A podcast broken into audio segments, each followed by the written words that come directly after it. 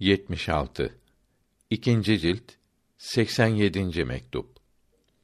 Bu mektup Efganistanlı Feth Han'a yazılmış olup tadil erkanı, ahkâm-ı İslamiyeye yapışmayı ve bid'atten kaçınmayı bildirmektedir.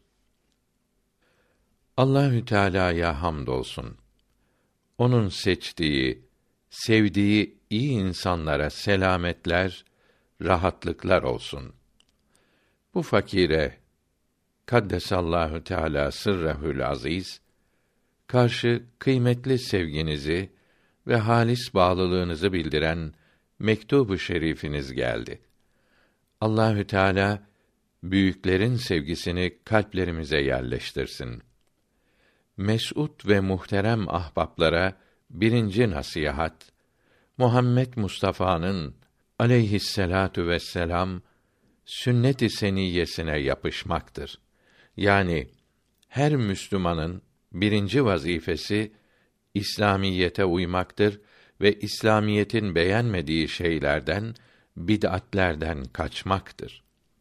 Bir kimse terk edilmiş, unutulmuş bir sünneti meydana çıkarırsa yüz şehit sevabı kazanır. Ya bir farzı veya vacibi meydana çıkarmanın sevabı ne kadar çok olur. O halde namazda tadil erkana dikkat etmelidir. Yani rükûde ve secdelerde ve kavmede ve celsede tumaninet bulduktan yani her ağza hareketsiz olduktan sonra biraz durmalıdır ki Hanefi alimlerinin çoğu buna vacip demiştir.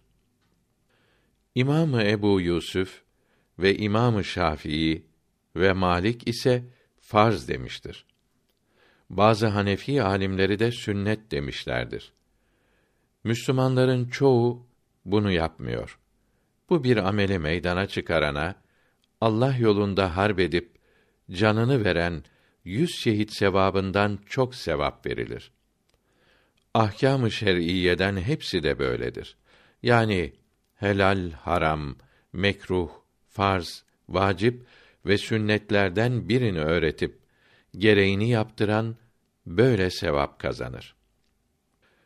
Bir kimseden sebepsiz, zor ile haksız olarak alınan bir kuruşu sahibine geri vermek yüzlerle lira sadaka vermekten kat kat daha sevaptır.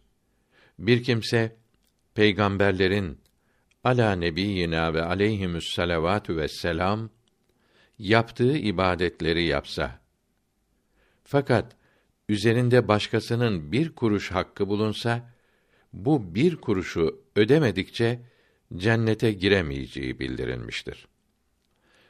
Boşadığı kadına mehir parasını ödemek de kul hakkıdır. İbn Abidin rahmetullahi teala aleyh 5. cilt 276. sayfede buyuruyor ki: Başkasının çocuğunu babasının emriyle de olsa dövmek caiz değildir. Hoca talebesini çalıştırmak için üç kere eliyle dövebilir. Sopa ile vurması caiz değildir. Hülasa zahiri yani bütün azaları ahkâm-ı şer'iyeyi yapmakla bezedikten sonra batına teveccüh etmeli, böylece yapılan ameli gafletten uzak tutmalıdır.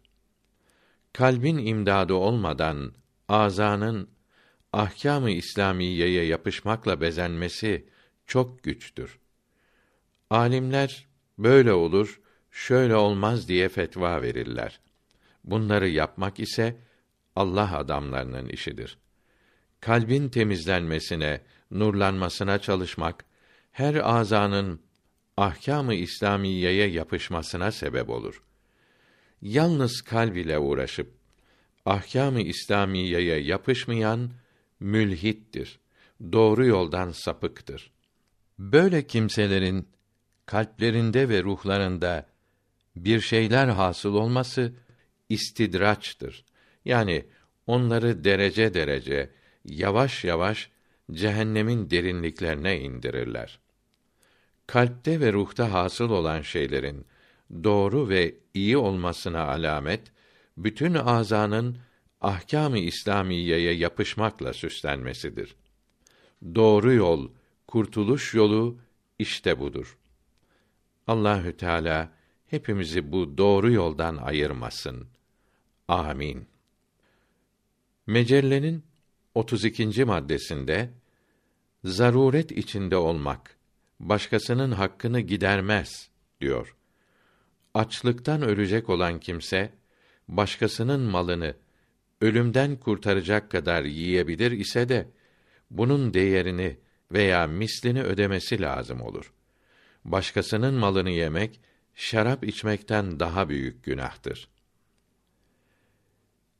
Ne iyi o gözler ki güzele bakmaktadır.